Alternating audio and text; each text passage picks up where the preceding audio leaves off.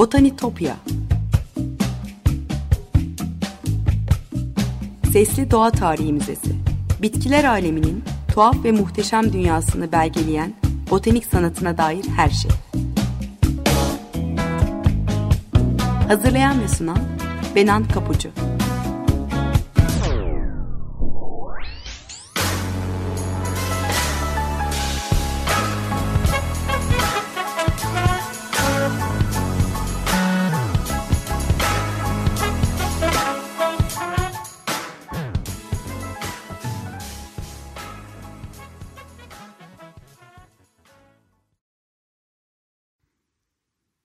Merhaba sevgili Açık Radyo dinleyicileri. Botanitopya'ya, bitkiler aleminin tuhaf ve muhteşem dünyasına hoş geldiniz. Anlatıcınız ben, Benan Kapucu. botanitopya.gmail.com elektronik posta adresinden ya da aynı adlı Twitter ve Instagram hesaplarından bana her zaman ulaşabilir anlattığım konuyla ilgili görüşlerinizi ya da varsa katkınızı paylaşabilirsiniz. E, burada anlattığım bitki hikayelerini e, görseller ve linklerle sosyal medya hesaplarım üzerinden destekliyorum bazen. O yüzden takipte olursanız çok sevinirim. Geçmiş kayıtları da dinleyebiliyorsunuz. E, Spotify'dan Açık Radyo Podcast üzerinden ulaşma şansınız var. Onu da soranlar için tekrar hatırlatmak isterim. Sevgili dinleyiciler bugün iki kır çiçeğini anlatacağım size. Düğün çiçeği ve menekşeden konuşacağız kır çiçeklerinin hikayeleri çok cezbedici geliyor bana. Yani özellikle benim kuşağımdan insanlar için e, çocukluğumuzla, çocukluk keşiflerimizle, masumiyet çağıyla bir ilgisi olduğunu düşünüyorum. Doğanın güzelliğini ilk kez kır çiçekleri yoluyla keşfetmeye başlamışızdır. Hayal gücümüzü harekete geçirir. E, kişisel tarihimizle yakın bir ilgisi var gerçekten. Çocukluğumuzla ilgili olduğu kadar insanoğlunun kültürel tarihi de iç içe bir bitki. E, kırlarda hep karşımıza çıkan e, ışıl ışıl parlayan düğün çiçekleri işte onlardan biri. Her yerde yaygınlaşıyorlar. Çitle çevrili bahçenize kapanmayıp yürürseniz onlar mutlaka karşınıza çıkar yorumunu yapmış Nicholas Kulpaper. E, düğün çiçeğinin botanik adı yani bilimsel adı Ranunculus. Yunanca kurbağa anlamına gelen Rana'dan geliyor. E, düğün çiçekleri sulak bataklık yerlerde e, yetişiyor çünkü. Acı düğün çiçeği Ranunculus acris bitkide bulunan toksik e, protoanomoninden kaynaklanan bir acılığa sahip. E, türünü tanımlayan akris Grekçe'de acı anlamına geliyor. Kurutulduğunda e, bu türün acılığı da gidiyor. E, o yüzden saman için hasat edilebiliyormuş bu e, düğün çiçeği. Oysa çayırda tazeyken ineklerin otlamadığı bir bitkiymiş. E, nadiren ölümcül olsa da düğün çiçekleri yenilirse kolye e, ya da işte bağırsak zarlarının iltihaplanmasına neden olabiliyormuş. Ayrıca Ranunculus acris toprağın potasyum yok ettiği, azot sabitleyen bakterilerin büyümesini engellediği ve yoncanın yok olması neden olup bulunduğu yeri istila ettiği için zaten pek parlak bir mera mahsulü değil. Ee, bizim topraklarımıza özgü düğün çiçekleri de var. Özellikle kağıthane çiçeği e, özel bir tür. Ranunculus constantinopolitanus örneğin. İstanbul düğün çiçeği, e, girit lalesi, sakız otu, kurbağa otu, turna ayağı ve sütlüce otu da deniyormuş. E, İstanbul'un nadir doğal kalmış alanlarından biri olan Validebağ Korusu'nda nefis görüntülerle karşımıza çıkıyor bu güzel çiçekler. E, bilimsel adı Ranunculus asiaticus olan acem düğün çiçeği ya da şakayık lalesi de yurdumuzda doğal olarak yetişen çok yıllık bir bitki, otsu bir bitki. E, çiçekleri kırmızı, beyaz, sarı ya da turuncu renkli olabiliyor. Süs bitkisi olarak geçirilen e, katmerli, beyaz, sarı, kırmızı, pembe, turuncu ve alacalı renklerde çok fazla kültürü var. Erengül ya da şaka eklerlisi de diyoruz biz bu kültür bitkisine. E, düğün çiçeği batı kültüründe gözde bir çiçek. E, Victoria dönemine ait e, çiçeklerin diliyle ilgili bir kitapta düğün çiçeğinin herhangi bir çayır çiçeğinin en yaramazı olduğu ve nankörlük anlamına geldiği belirtilmiş. E, bitkiyi kullanmak e, cildi yakıp kabarmasına neden olabiliyormuş. E, bitkinin bu etkisinden bahseden ilk kişi e, yaşlı Plinius. Cüzzam yaralarının tedavisi için düğün çiçeği kullanılması önermiş kitabında. daha sonra düğün çiçeği halk tıbbında yanıkları, yaraları ve romatizmal ağrıları tedavi etmek için kullanıla gelmiş.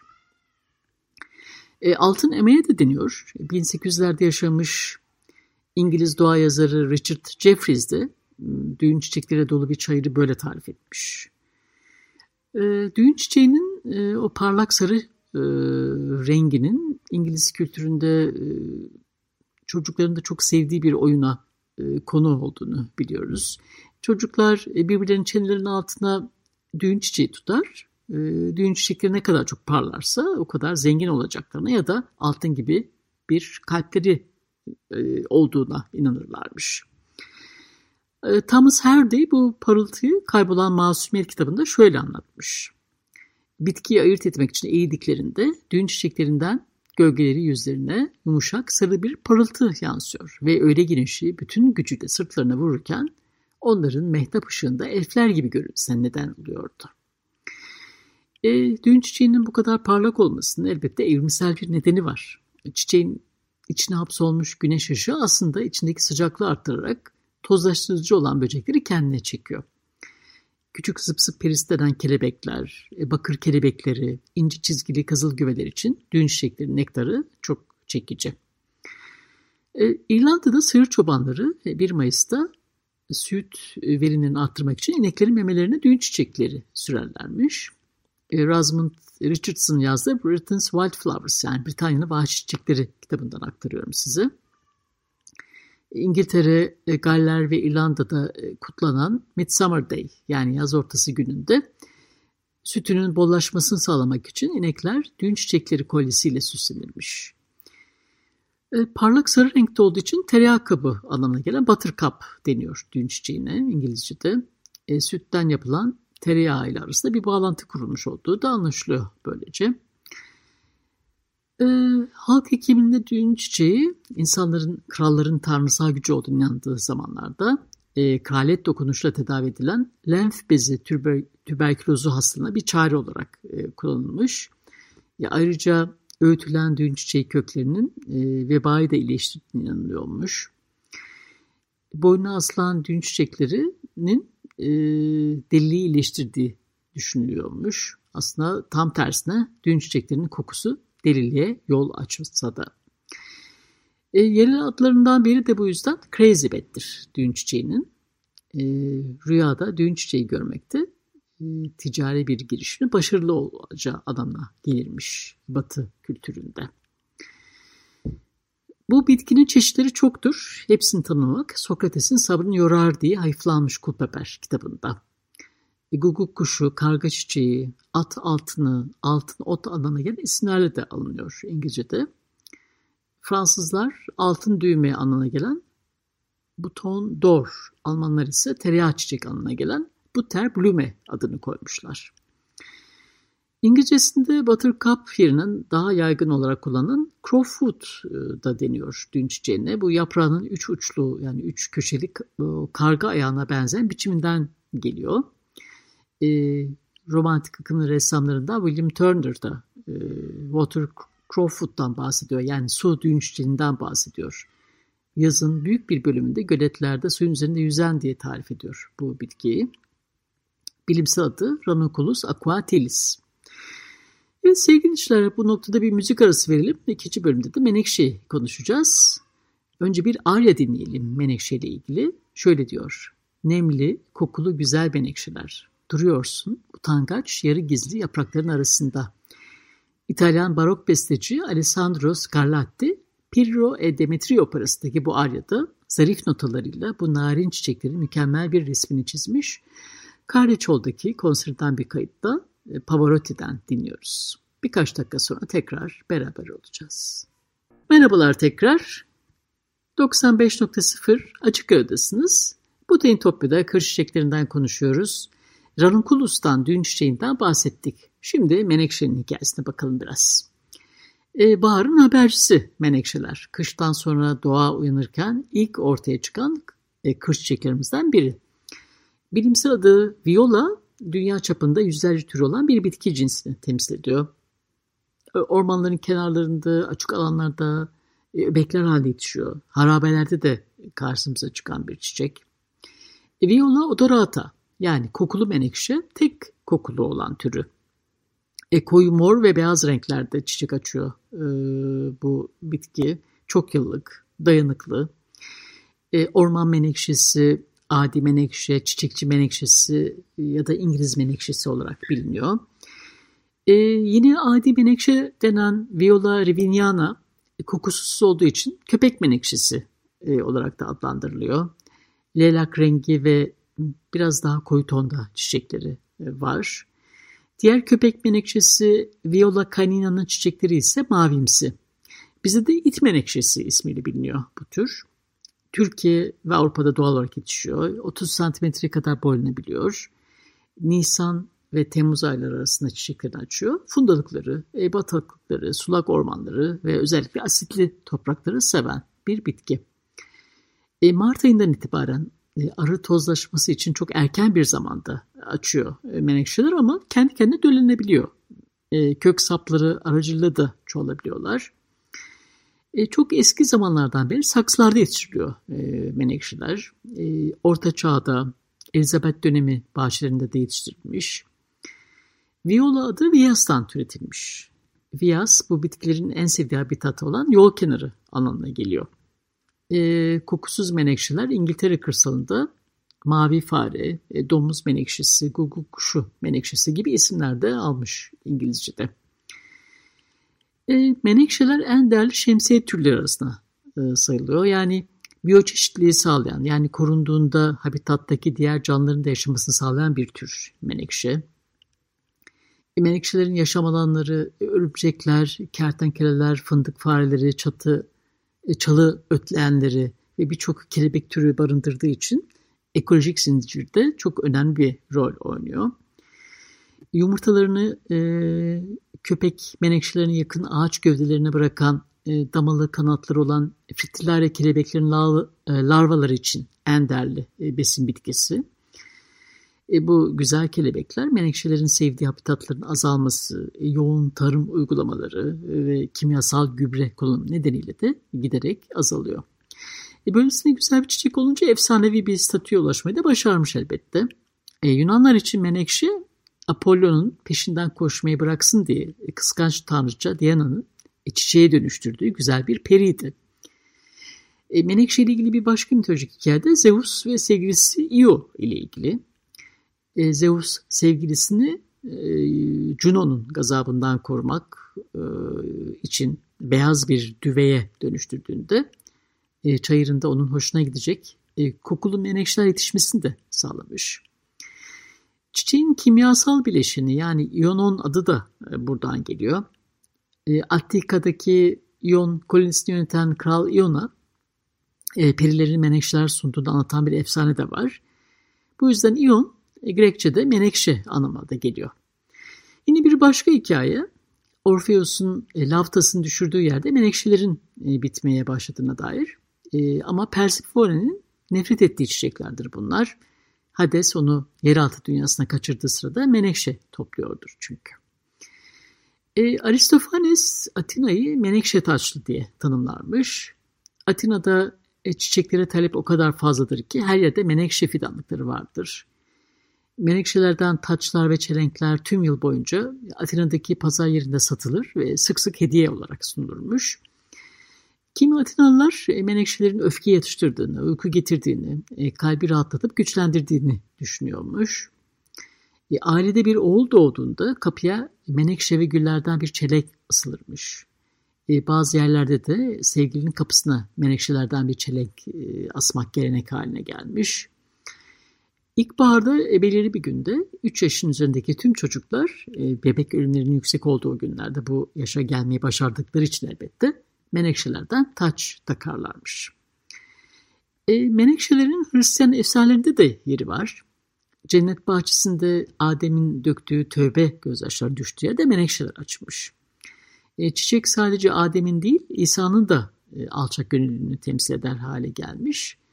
E, menekşe çiçek dilinde sadakati, sarsılmaz bağlılığı temsil ediyor. E, yaz sonunda mevsimi dışında büyüyen menekşeler e, belaya hatta ölüme işaret ediyor. E, yine batı kültüründe. Hatta cenaze çiçeği olarak da adlandırılıyor. Shakespeare e, bolca kullanmıştır menekşelerin simgesel anlamlarını. E, örneğin Lartes Hamlet oyununda Ophelia'nın yasını tutarken e, şöyle der. Koyun toprağa, menekşeler çıksın o güzelim koklanmamış göğsünden der ve onun saf bedeninden menekşelerin fışkırıp baharın geleceğini söyler. E, Ophelia deyince e, John Everett e, Milley'nin e, ironik tablosu canlanır gözümüzde. E, çiçekler içinde yavaşça suya batan Ophelia'nın e, görüntüsü vardır boynunda. Onun sadakatini temsil eden menekşeler de vardır. E, Shakespeare'in eserlerine genel olarak bakıldığında e, doğduğu ve büyüdüğü yer olan Stratford e, civarında çokça görülen kokulu mor menekşelere oldukça fazla yer verdiğini görüyoruz. Hamlet oyununda Lartes bize menekşe kokusunun geçiciliğini de hatırlatır. Bir dakikanın kokusu ve yakarışı daha fazla yok der ve haklıdır da. E, Viola odorata kokusunun önemli bir bileşinde koku alma siniri reseptörlerini geçici olarak duyarsızlaştıran ve koku duyusunu körelten keton iyonunu. Hatta bol miktarda menekşe yetiştiren bahçıvanların e, kokuya tekrar tekrar maruz kaldıktan sonra e, kokusunu alamadığı bile kayıtlara geçmiş. E, en güçlü parfüm Nice yakınlarındaki en büyük ticari plantasyonlarda yetiştirilen e, parma çeşitlerinde bulunuyormuş. Menekşe kokusu çok eski zamanlardan beri kozmetik e, ürünlerde, parfümlerde kullanılmış. E, ağır, baştan çıkarıcı kokusu nedeniyle Yunanlar e, Menekşe'yi aşk tanrıçısı Afrodite ve oğlu Priapos'a adamışlar. E, Priapeion da Menekşe'nin isimlerinden biri. E, 1500'lerde Flanders'ta dokunan e, tek boynuzlu at goblenlerinde doğurganlığın bir sembolü olarak menekşelerde görülür. E, Yunanlar ve Romalılar menekşe şarabı içmişler. Menekşelerden konserveler, şuruplar ve şekerlemeler yapmışlar. Kristalize menekşe yaprakları yüzyıllar boyunca tatlıları süslemiş.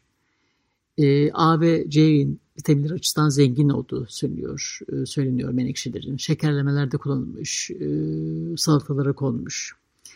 Menekşe sirkesi de çok hoş bir renge ve kokuya sahip.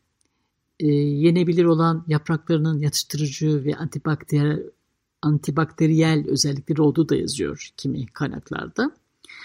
E, günümüzde menekşe yağı elde etmek için çok sayıda taze çiçek gerektiği için yani sürdür, e, sürdürülebilir olması açısından e, sentezlenmiş menekşe özü kullanılıyor artık.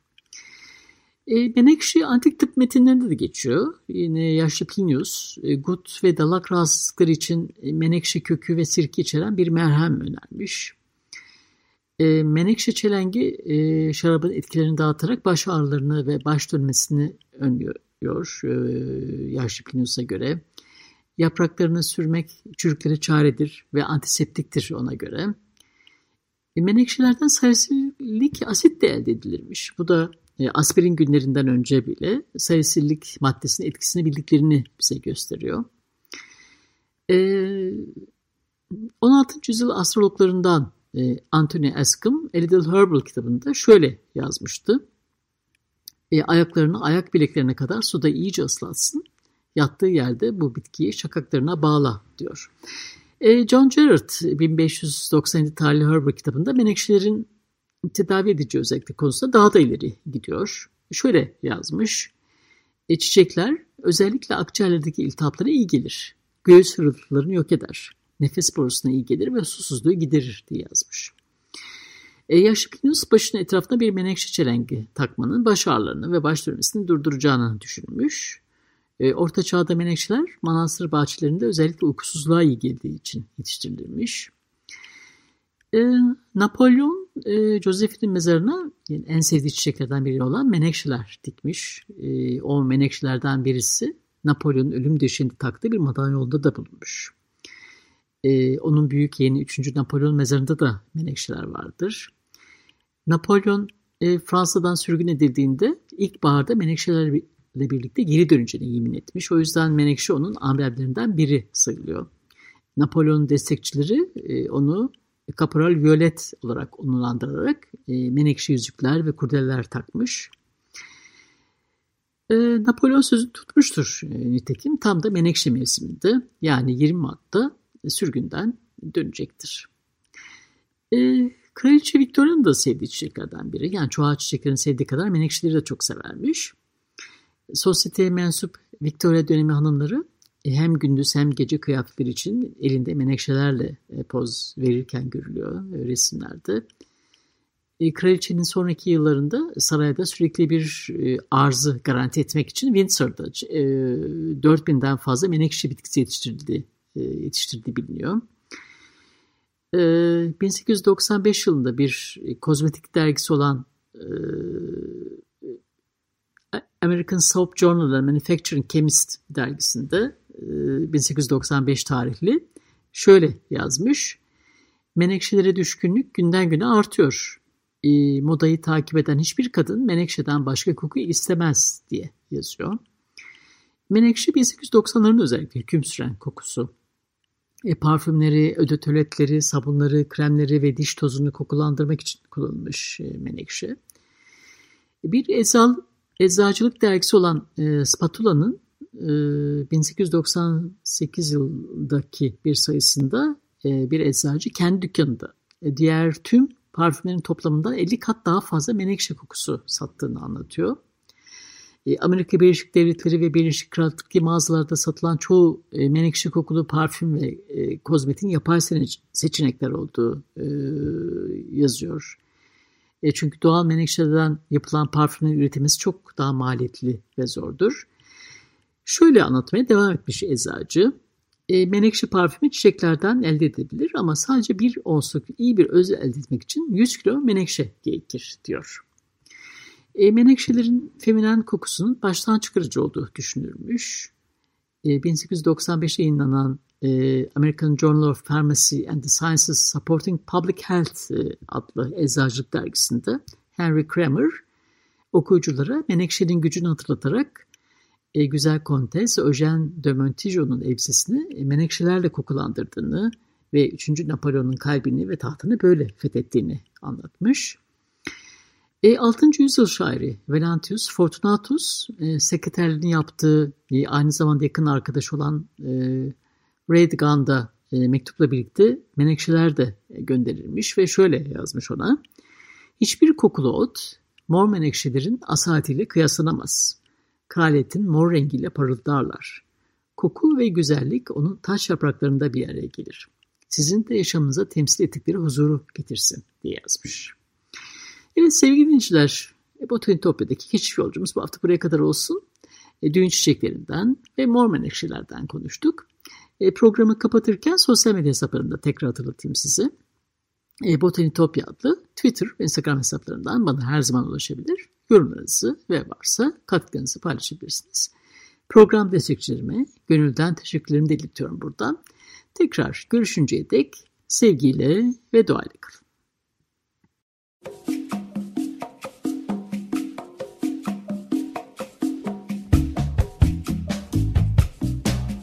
Botanitopya